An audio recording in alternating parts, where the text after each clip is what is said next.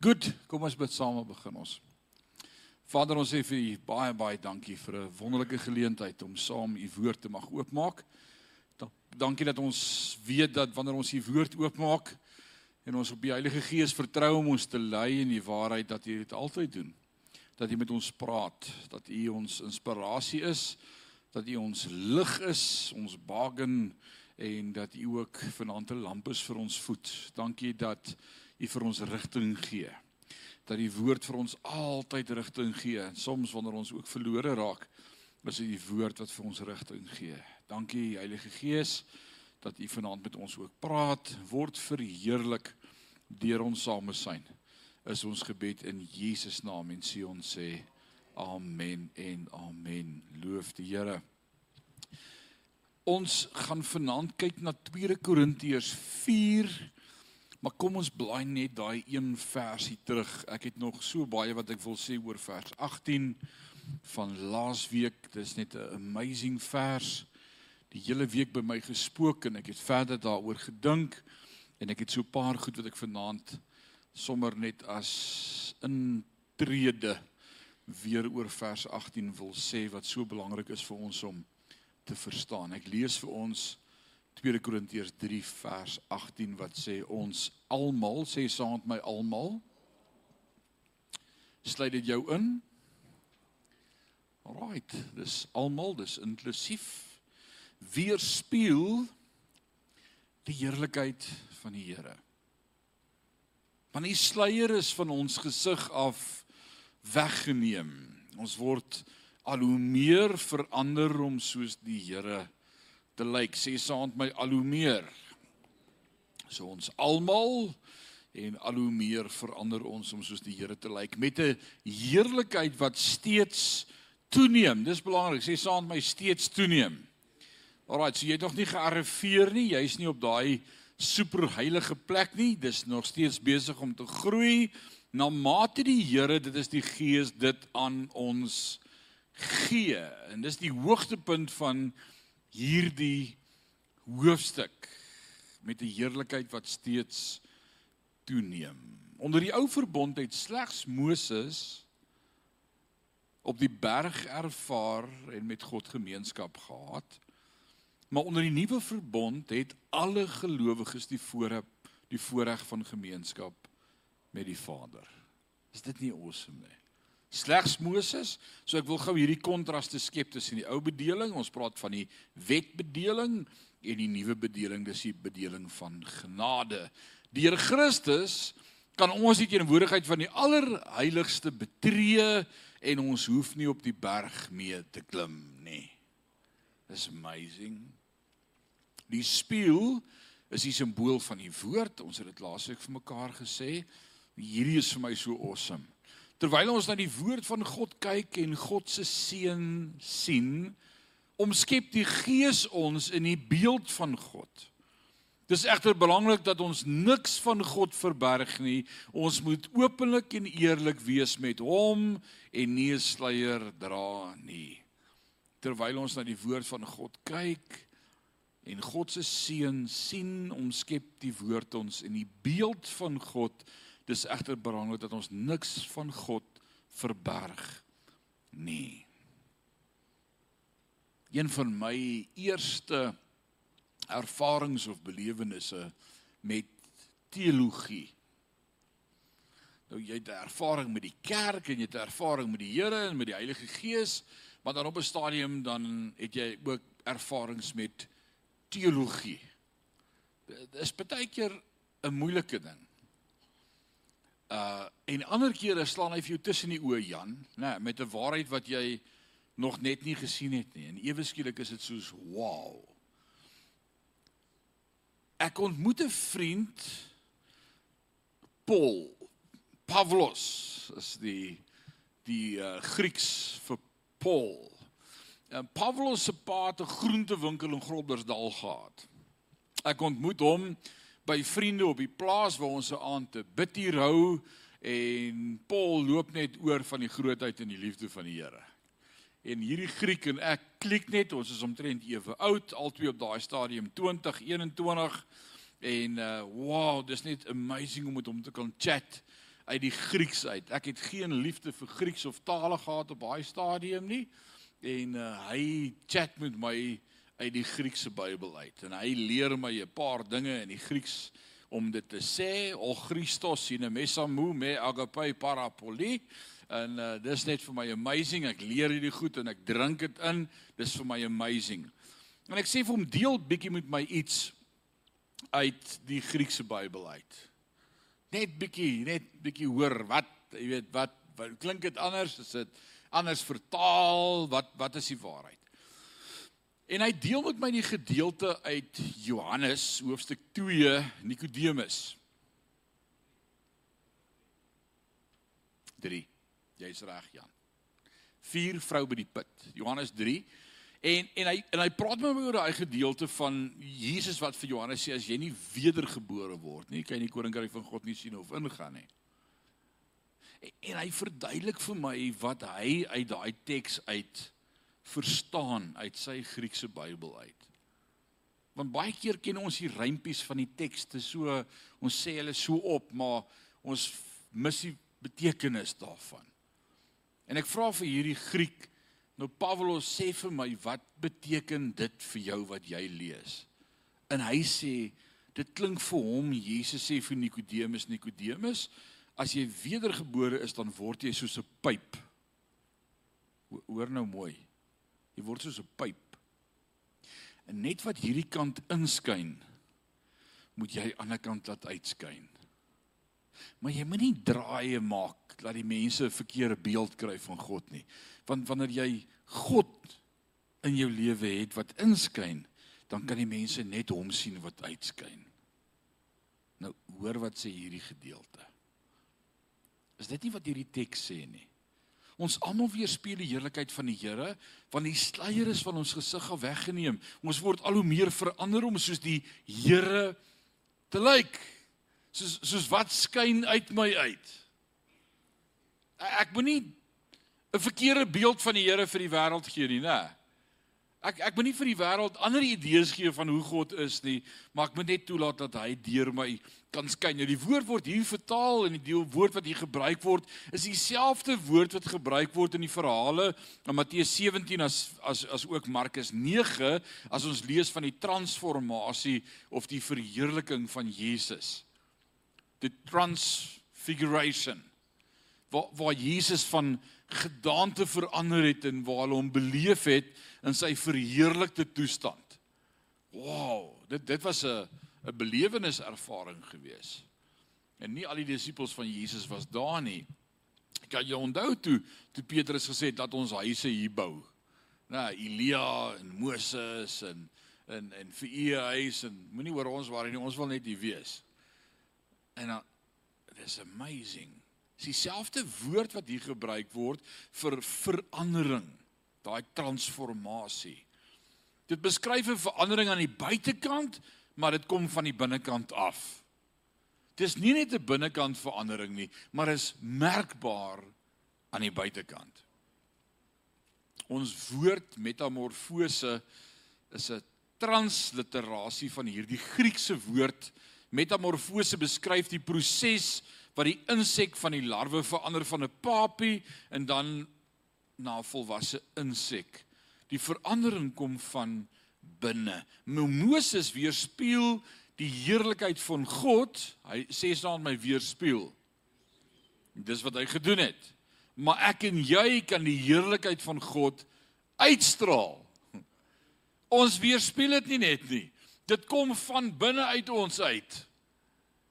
Moses het uit weerspieël wat ek beleef het, maar maar waar skyn God se heerlikheid in ons? In ons harte. En net wat binne is kan uitkom. Hmm. Hierdie wonderlike proses kan nie bereik word deur die wet te hou nie. Hierdie heerlikheid van die wet het verdwyn, maar die heerlikheid van God se genade neem steeds toe in ons lewens. Dis amazing. Die doel van die nuwe verbondsbediening is die voorkoms van Jesus Christus. Die wet kan ons na Christus bring, maar net genade kan ons soos Christus maak. Net genade kan ons soos Christus maak. Laastens is die resultaat van hierdie ou bedeling bediening slawerny. Dit was die resultaat. Maar die resultaat van die nuwe verbondsbedeling van vryheid is vryheid in die gees. Wil jy 'n slaaf wees of wil jy vry wees in die gees? It's amazing. Alraight. Die gees van God skryf die woord van God oor ons harte en ons gehoorsaamheid aan ons Vader is die gevolg van 'n nuwe lewe wat hy binne in ons gee. So kom ons begin vanaand met 2 Korintiërs hoofstuk 4 en as ons vir hierdie gedeelte vanaand 'n uh, titel moet gee dan wil ek sê moed vir die konflik. Moed vir konflik. Wie van julle hou van konflik? Kom, steek jou hand op. Moet nou nie jok in die kerk nie. Steek op jou hand. Wie van julle hou van konflik?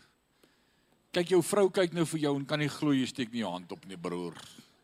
Of is dit andersom? Wat? Hou jy nie daarvan nie? OK, as jy so sê. Hmm. Die sleuteltema van hierdie afdeling word in 2 Korintiërs 4 vers 1 en vers 16 herhaal as Paulus sê ons gooi nie handdoek in nie.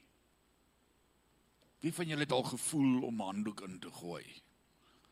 Nou ons voel soms so, ek gooi net handdoek in. Paulus het letterlik gesê ons verloor nie moed nie. Wow, ons het ons behou altyd die moed. Daar was beslis baie redes vir ontmoediging in Paulus se situasie, maar die groot apostel het nie moed opgegee nie. Wat was dit wat hom daarvan weerhou het om in die konflik van die lewe nie op te gee nie? Want baie mense, meeste mense wat my kom sien in my beradingskantoor is ouens wat sê ek's lus en gee net op. I had enough. Ek het genoeg gehad. Ek wil nie meer nie. Huwelike waar twee partye na 10 en 20 en 30 jaar vir mekaar sê ek het genoeg gehad. En dan dink ek julle kan nie moed opgee nie. Julle kan nie opgee nie. In plaas daarvan om te kla oor wat hy nie gehad het nie, het Paulus hom verheug oor wat hy wel gehad het en ek en jy kan dieselfde doen om te fokus op wat ons het. Dis daai ou koortjie wat sê tel jou seëninge tel een vir een. Dis gewoonlik een van die eerste goed wat ek dan doen in huweliksberading. Is ek sê okay. Vertel vir my 5 great dinge van hom. Nee, ons is hier om te praat oor die slegte goed sê nee nee nee, ons begin nie hierdie terapie so nie. Ja, maar hy hang sy klere op die grond op en hy ek sê nee nee nee. Vyf goeie goed. Ah, wel hy seker 'n goeie pa. Hy maak lekker koffie. En uh hy bederf my baie keer. Hy maak nie sleg kos nie. Sê, "Wow, so is pluspunte. Dis amazing." Alraait en en andersom en en ewe skielik sien ek net wat gaan nie eintlik aan. Die duiwel sê vir ons jy het genoeg gehad. Tel jou seëninge.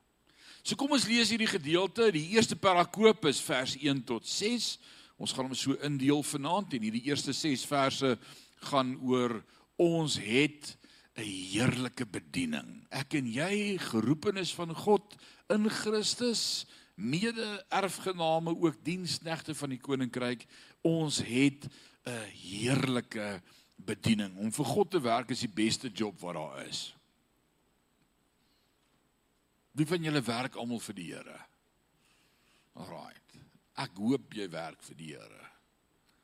En nie net die Here moet werk vir jou nie.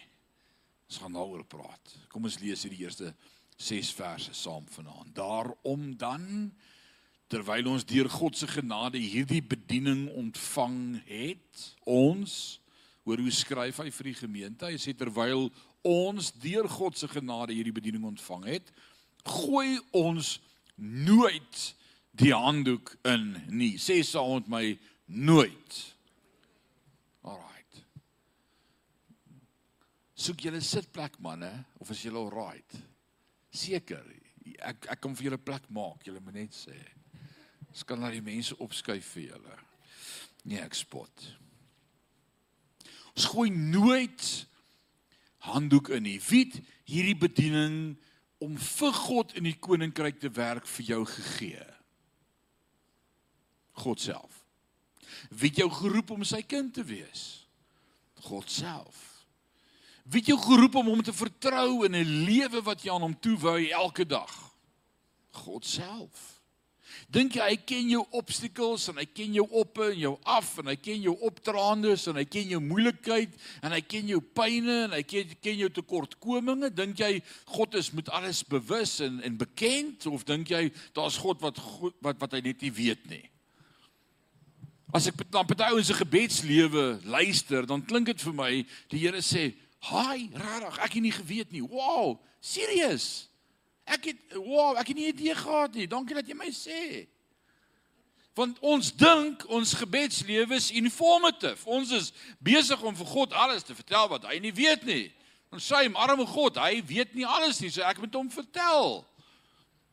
En dan dink ek as ons maar net geweet het wie God is, het my gebedslewe dalk bietjie anders geklink.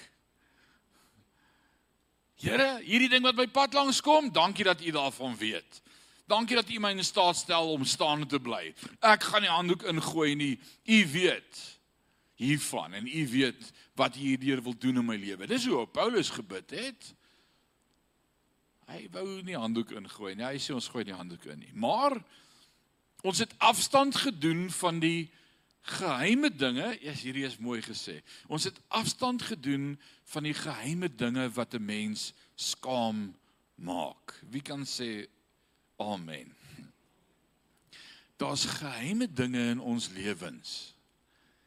En Paulus sê, dis die goed wat ons skaam maak. So hy sê daar's 'n fyn grens tussen handdoek ingooi en gaan sit langs die pad omdat jy skaam word as gevolg van goed wat jy doen wat jy nie moes doen nie.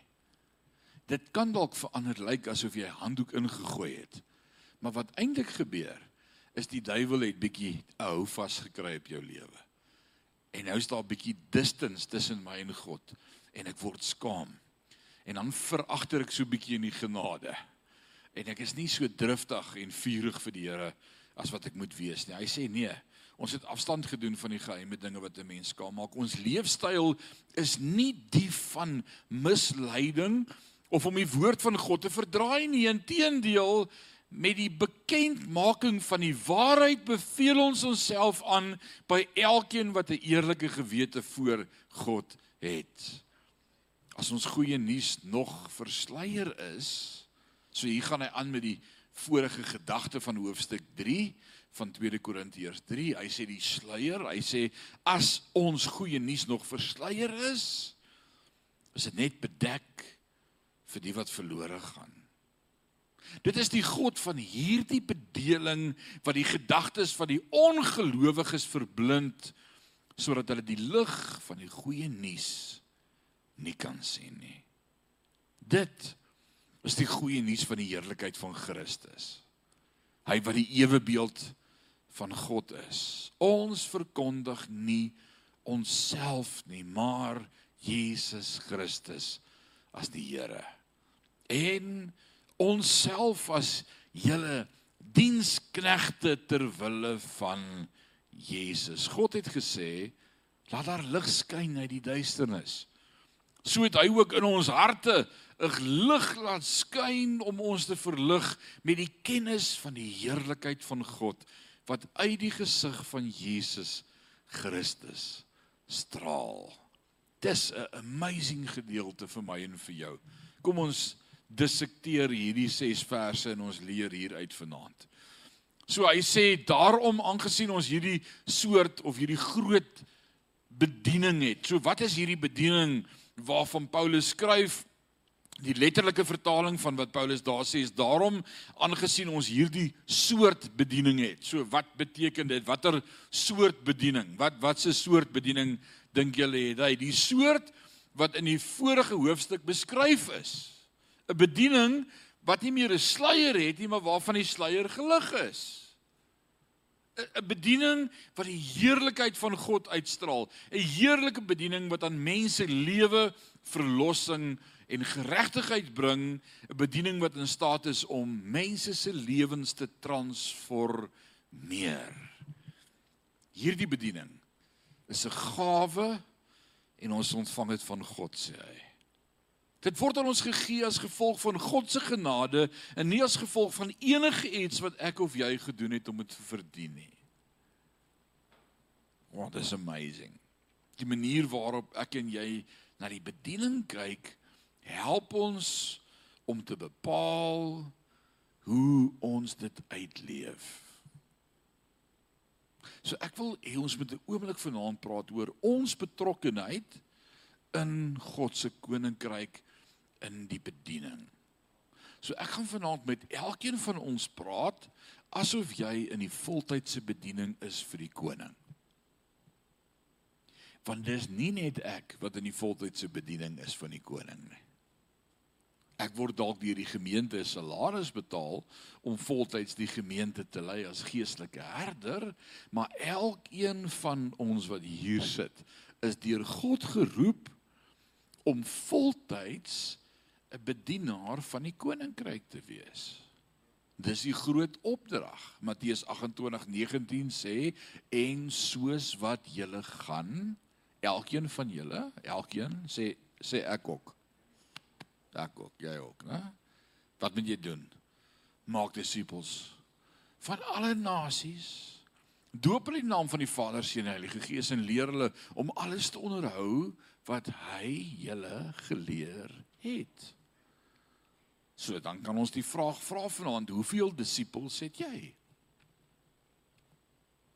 Dit ons begin vra vra. Mike omstuur. Hoeveel disippels het jy?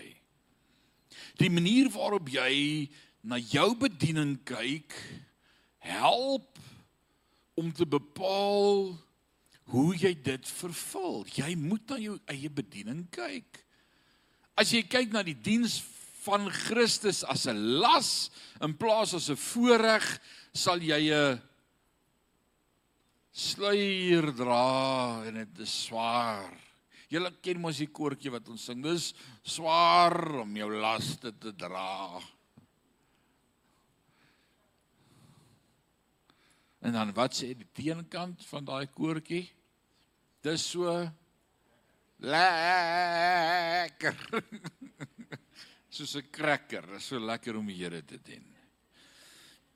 Sommige mense beskou diens vir Christus as 'n straf van die Here af.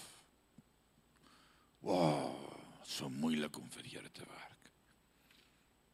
Die Paulus die feit oorweeg dat hy 'n bedienaar van Christus was, was hy oorweldig deur die genade en barmhartigheid van God. Sy positiewe gesindheid teenoor die bediening het 'n paar praktiese gevolge in sy lewe gehad.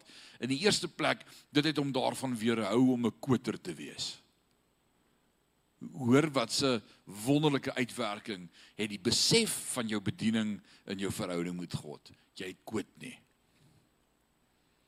Hoeveel van julle wou al koot in die lewe? Dis nou handdoek ingooi, né? Die eerste ding wat Paulus sê is as ek besef ek werk vir God, koot ek nie. Ou wil jy hoeveel keer wou jy al koot in die lewe? net goed, ek is klaar. I had it. Ek het genoeg gehad. As ek besef ek is in diens van God, sê ek ek kan nie koot nie. Johan, hoeveel keer wou jy al koot? Ons kan nie. Want God het ons geroep met 'n ewige roeping. Ha, loof die Here daarvoor. Ons is nie koters nie. Ons is nie koters nie. Hy het aan die Korinte bely dat sy beproewinge in Asië hom amper tot wanhoop gebring het. Ons het dit gesien in 2 Korintiërs 1 vers 8 en ten spyte van sy groot gawe en groot ervaring was Paulus menslik en onderworpe aan menslike swakhede. Paulus was 'n gewone mens, nes ek en jy. Hy was nie superheilig nie. Hy was net 'n gewone mens. Wie van julle is gewone mense? Laat ek net julle hande sien. Is julle gewone mense? Serieus. So julle word ook moeg. Jou springhak ook uit, dokter, hoor ek het altyd gesê sy springhak uit soms. Wie van julle is 'n springsak gereeld uit? Maar dis nou as jy meer verloor, hoor. As jy in die rooi ref. Sou as jy verkeerd opvryf en jy voel jy gaan dit net verloor, jy Ons is normale gewone mense. Paulus was ook 'n gewone mens. Sy spring het ook soms uitgehaak. Maar hy selfbeheersing gehad. En hy het altyd God se mense gesien soos wat God hulle sien. En hoe voel God oor sy mense?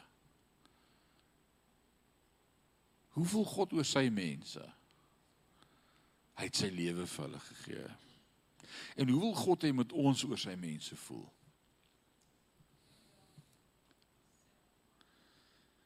Jy met jou lewe vir hulle wil gee. So. Voel ons so oor God se mense? Of sê jy as daai broer op die pad loop en wil jy eintlik so 'n bietjie vet gee om vinniger hemel toe help? Nee, jy moet jou lewe gee. Hoe kon hy moed verloor het as hy by so wonderlike bediening betrokke was? Sou God hierdie bediening aan hom toe vertrou het sodat hy kon misluk? Trust God jou met jou bediening sodat hy op die einde van die dag kan sê, "Ah, wel, dit was nou 'n mislukking geweest." Was dit God se plan vir jou? Mislukking. Dis nie 'n opsie nie, dis nie 'n gedagte by God nie. Maar ek en jy oordink dit. Ooh, ek en jy dink nee, ons is 'n mislukking. Nee, natuurlik nie. Met die goddelike roeping het die goddelike barmhartigheid gekom. Is dit dis net vir my so amazing. Saam met God se roeping gee hy barmhartigheid. Hy gee vir jou wysheid, hy gee vir jou insig, hy gee vir jou deursettingsvermoë. Hy hou jou staande in jou bediening. Nou deel gou met my. Kom ons praat vir 'n oomblik met mekaar bietjie prakties. Ek kom ons raak bietjie prakties. Almal van julle is nou nie voltyds in die pastorale bediening soos ek en 'n paar ander ouens hier nie. Maar ek wil hê jy moet gou met ons bietjie net deel. Hoe sien jy jouself as voltyds betrokke in die koninkryk? Hoe kan jy in jou lewe voltydse verskil maak vir die Here in die koninkryk? Leon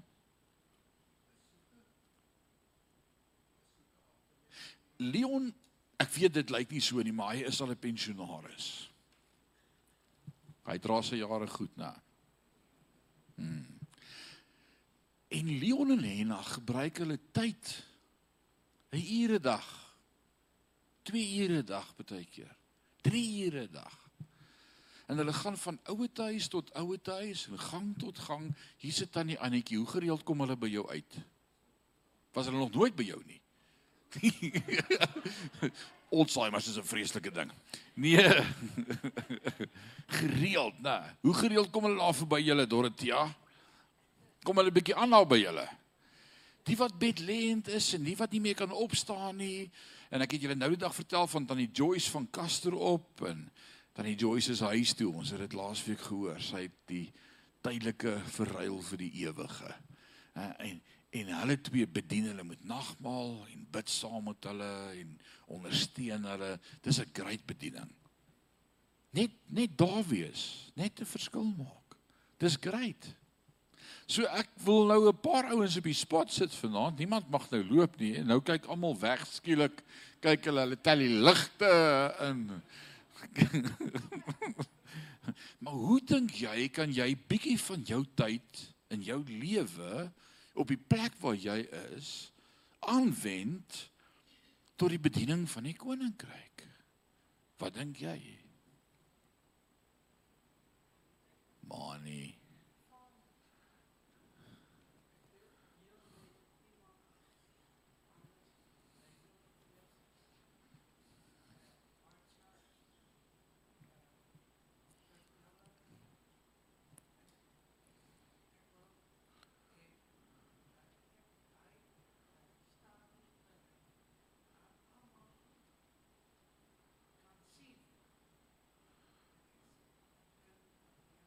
Dis mooi. Deel WhatsApp, deel 'n vers, deel 'n teks, deel iets wat jou pad langs kom, stuur 'n WhatsApp aan, deel 'n gebed met iemand of 'n oordeenking of 'n dagstukkie, maar dat almal in my lewe kan sien dat ek 'n verhouding met Jesus het. Dis mooi. Nice funny. Ek spot met hom as ek sê Mani. Hy was 'n paar maande hier dan sê ek vir Mani toe kom eendag toe sê hy ek is funny. Talena, wat sê jy?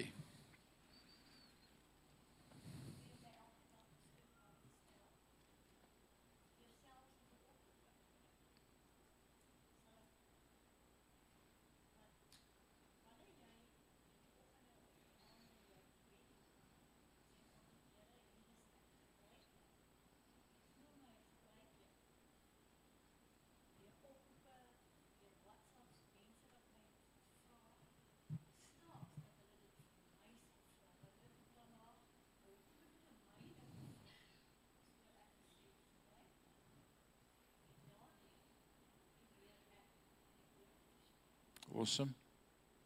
Awesome. Wie wil nog met ons share hoe jy in jou lewe tyd maak vir God?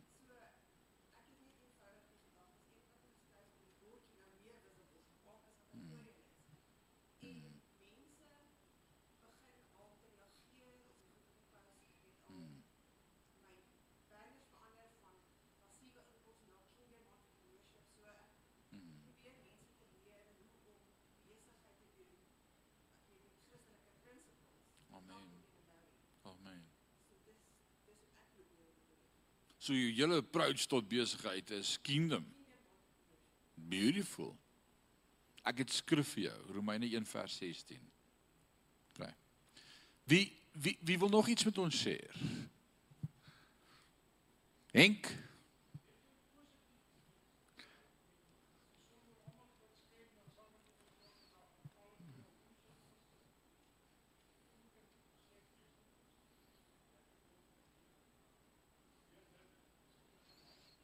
Ek kan morbied wees, ek het baie redes om morbied te wees, ek kan depressief wees, ek kan vir almal vertel hoe sleg gaan dit en hoe ellendig gaan dit en ek het nou al vir 3 weke in die water nie en ek het dit en daai of ek kan net positief wees van hierdie is die dag wat die Here gemaak het en hy's amazing en, en ouens kyk na jou en sê hoekom is jy anders?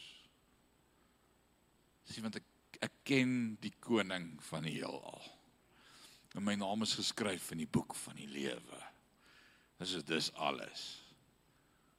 Ek ek ek het met die vroue woensdaagoggende ons het 'n amazing tyd woensdaagoggende. Die van die vrouens wat daar hier sê amen. Oh, dit klink nie so amazing nie. Okay, ek ek wou iets vertel. Ek gaan nie meer nie. Alraai. Uh ek ek share met hulle hierdie storie van die eksperiment wat gedoen is van die twee mans wat op 'n vliegtuig gesit is van Chicago tot waar ook al en die een is in besigheidsklas ingeboek. Hulle sê meneer ons gradeer jou kaartjie op. Ons weet jy het nou betaal om agter in die vliegtuig te sit, maar jy het die lotto gewen. Besigheidsklas sit voor net wat jy wil hê, klap jou vingers. Ons bring vir jou van kaviaar tot champagne. Ons is hier om jou te dien. Geniet die vlug. Is like, hy kan nie sy oë glo nie. Die ander ou, toe hy op die vliegtuig kom, roep hulle hom eenkant. Hy sê vir meneer, ons het baie slegte nuus vir jou.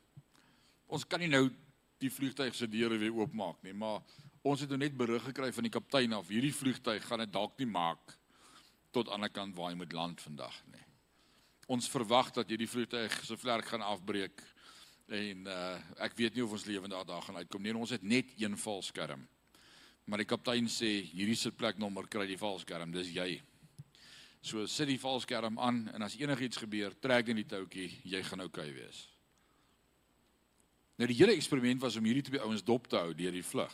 Wie van julle het al gevlieg? Dis dis nogal 'n experience, né? Nou, is nie heeltemal so comfortable nie. So die ou in die eerste klas, hy moan oor alles.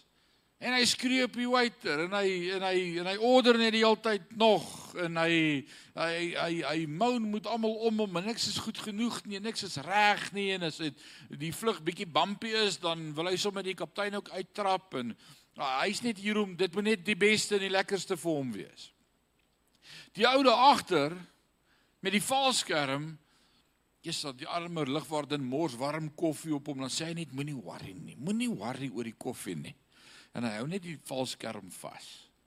En dan as hulle vir hom sê wil hy eet, dan sê hy moenie worry oor kos nie, ek is oukei, okay, baie dankie. Alles is net wonderlik.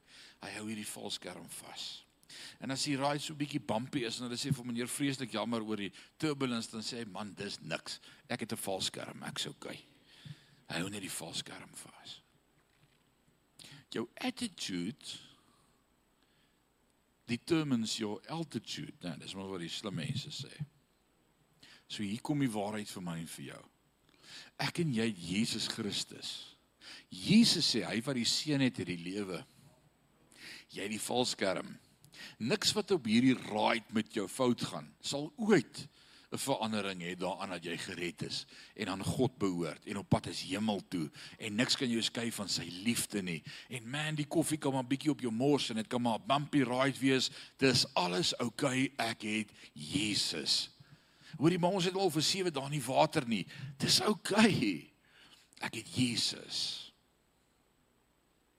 Of jy kan leef soos daai ou wat dink jy's in die eerste klas cabin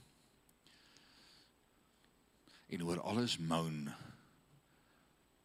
En baie ouens in ons gemeente en in ons dorp leef soos eerste klas reisigers. Hierdie naweek by die troue kon 'n klomp van ons om 'n tafel wat wedergebore kinders van die Here is vir mekaar in die oë kyk en sê maak nie saak hoe dit hier gaan nie. We just passing through. Ons is op pad na ewige bestemming. Ja, man, toe ons vir mekaar vanmôre groet nadat ons saam ontbyt geëet het, kon ons mekaar so hak gee en sê Maranatha. Sal dit nie awesome wees as Jesus hierdie week kom nie? sien julle daarbo. Ons fokus is op ander goed nie op die potholes en die water en die krisisse. Ons sien dit. Maar dit affekteer nie hoe ons voel nie. Om positief te wees, is wat Henk gesê het, is amazing. Wie wil nog iets share van hoe jy in die koninkryk 'n verskil maak?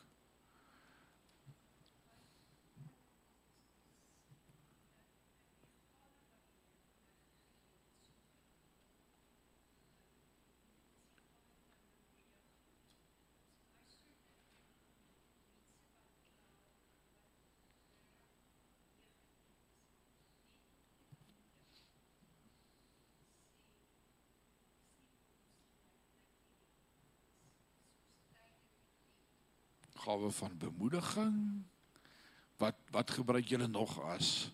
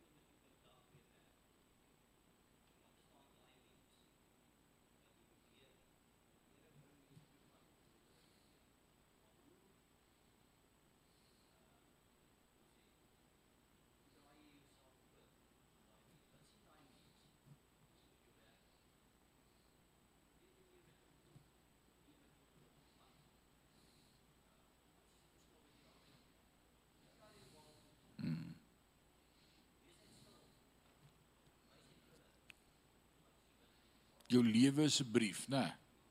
Wat sê jou brief? Wat straal jy uit? Tannie Beatrice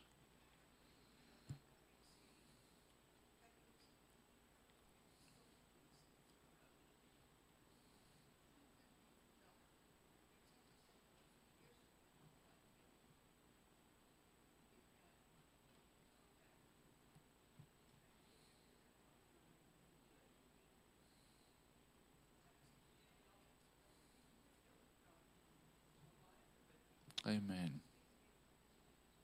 Hmm.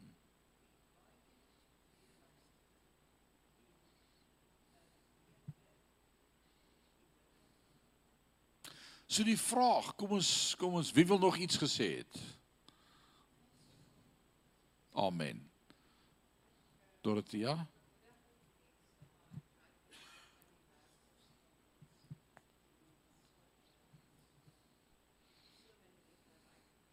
Bemoediging en bedien hulle. Alraai. Die bottom line is elkeen van ons het 'n bediening. Wie sê is dit so nie?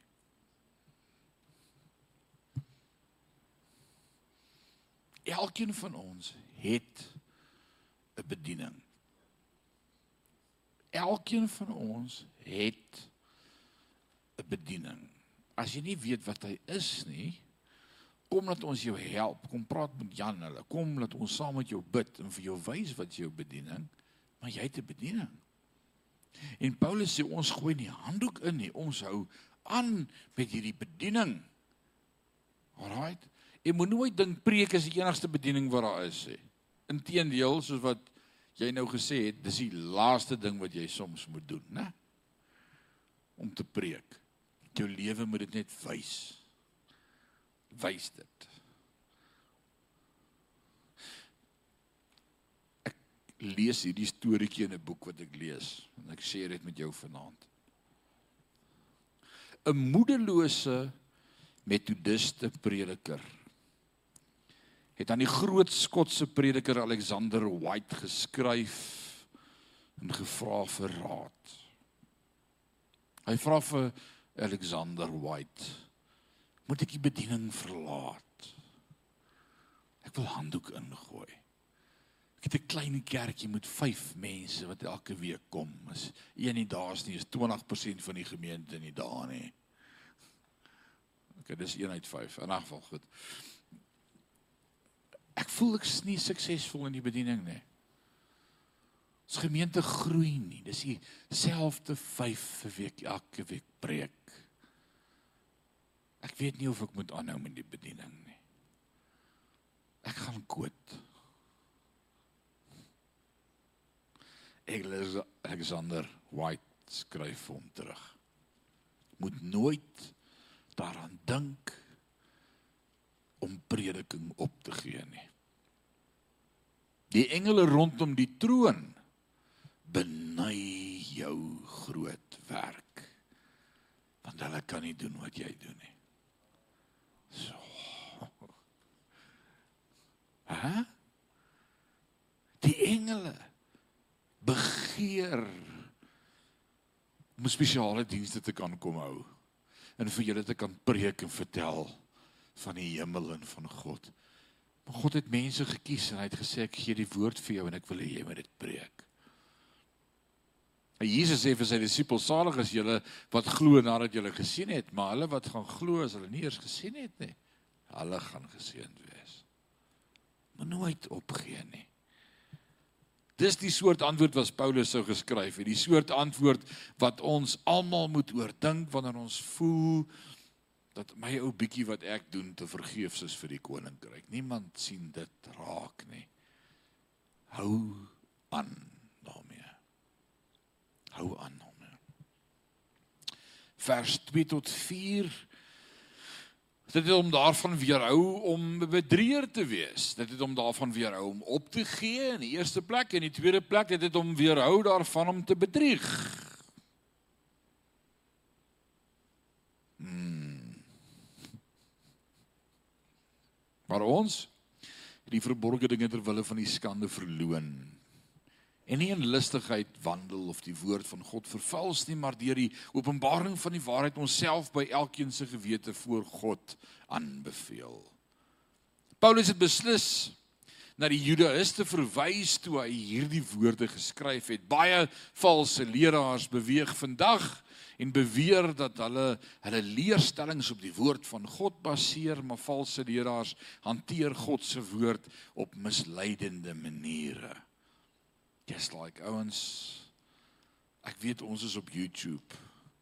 Maar ek wil vanaand sê oppas vir YouTube alles wat daar is is nie van die Here nie. Daar's gevaarlike goed daar buite. Daar's goed wat ek so halfpad luister en dink ek, "O, oh, hierdie ou het so goed begin met hierdie teks vandag."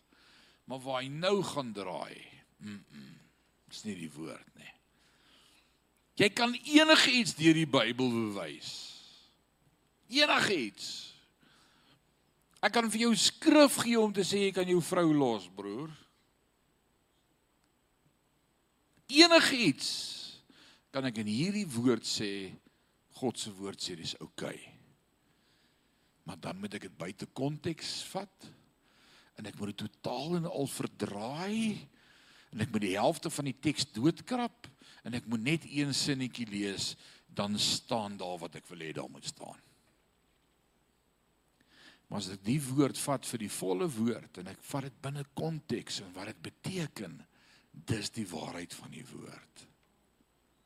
Ek kan nie net 'n stukkie van 'n teks vat en sê dis wat daar staan nie. Oppas vir dit. Oppas vir dit. As mense ander boeke behandel soos hulle die Bybel behandel, sal hulle nooit iets geleer het nie. Paulus het niks gehad om weg te steek nie. Het sy in sy persoonlike lewe op sy prediking van die woord, alles was oop en eerlik daar was geen misleiding of verdraaiing van die woord nie. Die Judaïste was skuldig daaraan dat hulle die skrif verdraai het om by hulle eie vooropgestelde interpretasies te pas en onkundige mense was bereid om hulle te volg. As Paulus so 'n getroue leermeester van die woord was, hoekom het meer mense dan nie na sy boodskap geglo en geluister nie? En dis ongelukkig die waarheid van ons dag ook. Nie almal soek die suiwer woord van God nie. Paulus sê vir Timoteus, Jan, wat sê hy vir hom in die laaste dae sal mense vir hulle predikers bymekaar maak wat hulle sal streel op die gehoor. Gesus Wat wil jy hê broer? O nee, vertel bietjie vir my hoe gebles is ek in die Here. OK. Julle is die geseëndes van die Here. Ooh, haleluja. Sê net wat jy wil hê en die Here gee dit vir jou. Die wêreld skryf al koortjies vir die kerk. Oh Lord, won't you buy me a Mercedes Benz? Jy het al gehoor? Yes. Son ken jy hom? Nee. Sal hulle moet begin sing in die kerk. Daar's kerke wat daai koortjie sing. Want hulle dink die Here is net 'n genie en hulle kan net vir hom sê wat hulle wil hê en die prediker spreek dit. Wat wil julle hoor? Nee, ons wil hoor ons gaan vir altyd lewe. Nou maar kom ek preek dit vir julle. Julle gaan nie doodgaan nie, julle gaan vir altyd lewe. En daai kerk is vol. En dan gaan die pastoor dood. En dan sê julle mag my nie begrawe nie want ek gaan binne 7 dae opstaan. En na 7 dae dan sê die staatsraad vir daai familie as julle hom nie begrawe nie, vat ons hom want hy stink al. Van die woord sê dis vir die mens bestem om eenmal te leef, eenmal te sterf en dan verskyn jy voor God. Jy leef nie vir altyd nie. Weet julle van wie ek nou gepraat? Ek sit in Klerksdorp by 'n pastoor wat hom persoonlik geken het. Ons het saam middagete. En ek sê ken jy sy storie en hy sê ons het saam geëet 'n paar keer al. Ek sê waar kom hy aan die goed wat hy preek? Hy kyk my so, hy sê ek het eendag vir myself te vraag gevra. Toe sê hy vir my broer, ek het nou 'n ding begin wat die mense like. Ek kan nie nou ophou nie. Ouens, as jy ooit in Sion hoor wat jy like en is nie in die woord nie. Stenig my. Mag ons net die woord van God preek en nie stories nie. O, die woord. So elkeen van ons het 'n bediening. Die sluier is gelig. God self skyn deur ons. Sy heerlikheid is die bediening deur ons. En Paulus sê vir ons in hierdie bedeling in die eerste plek gee ons nie ons gooi nie handdoek in nie in die tweede plek ons is deursigtig. Jy hoef nie God weg te steek nie. Jy hoef nooit vir God skaam te wees nie.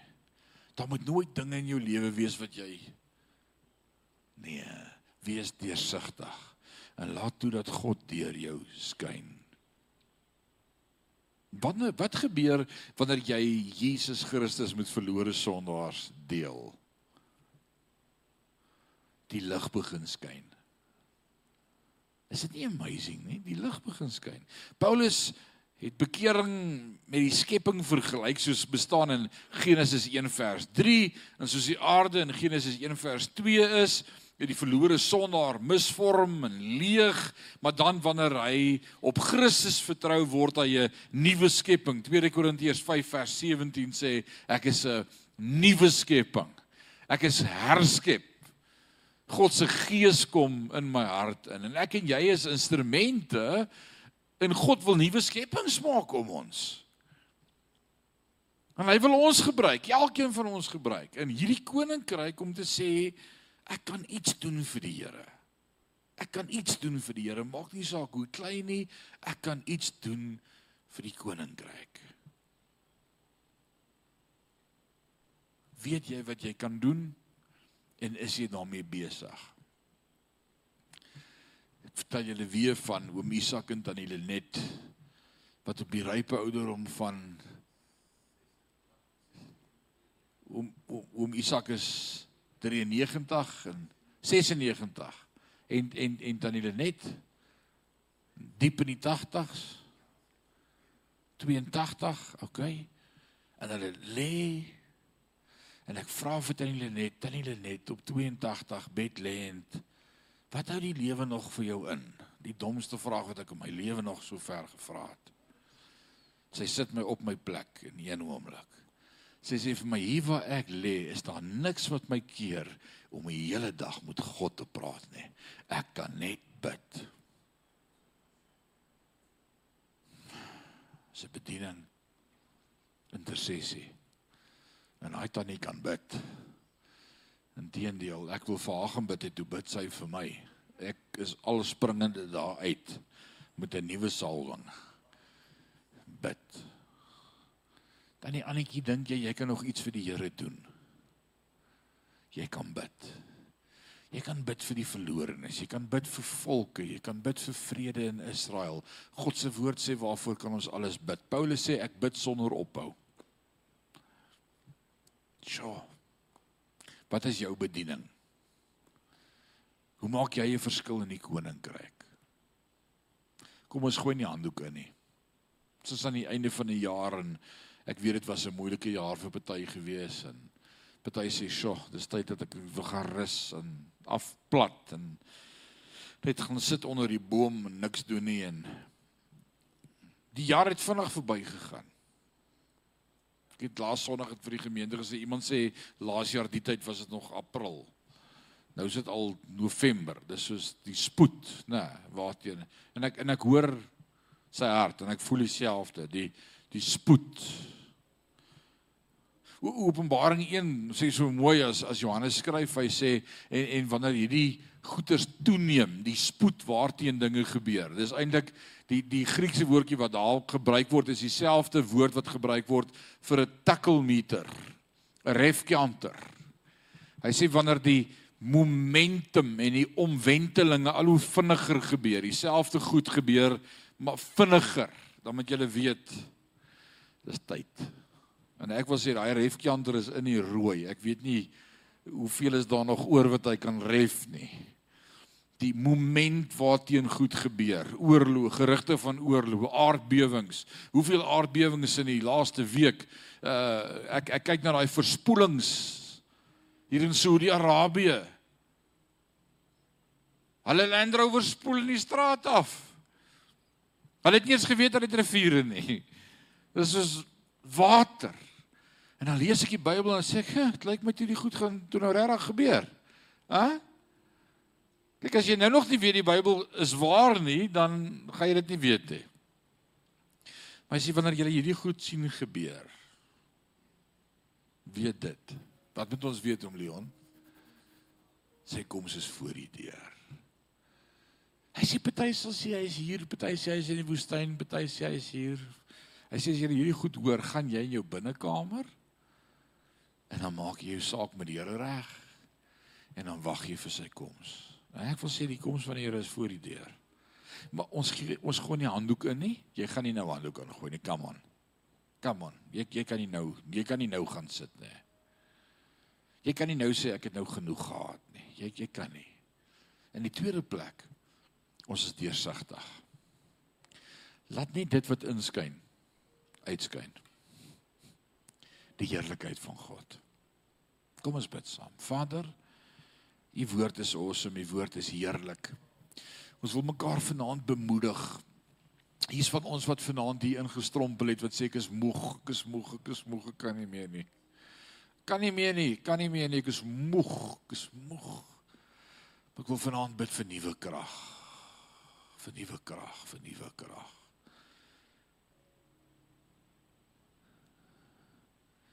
Die woord sê die wat op die Here wag, kry nuwe krag. Hulle vaar op met vleuels soos die arende hulle wandel en word nie mat nie. Laat loop en word nie moeg nie. Die wat op die Here wag. Halleluja.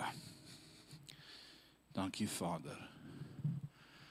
Dankie Vader vir u awesome teenwoordigheid en dat u so getrou is. He is amazing. En dankie dat U ons staande hou in hierdie bediening waartoe ons geroep is, nie net as U kinders nie, maar as ook bedienaars in die koninkryk van God. Dankie daarvoor. Maak ons sterk en mag ons moed hou en volhou en aanhou tot U ons kom al. Wow.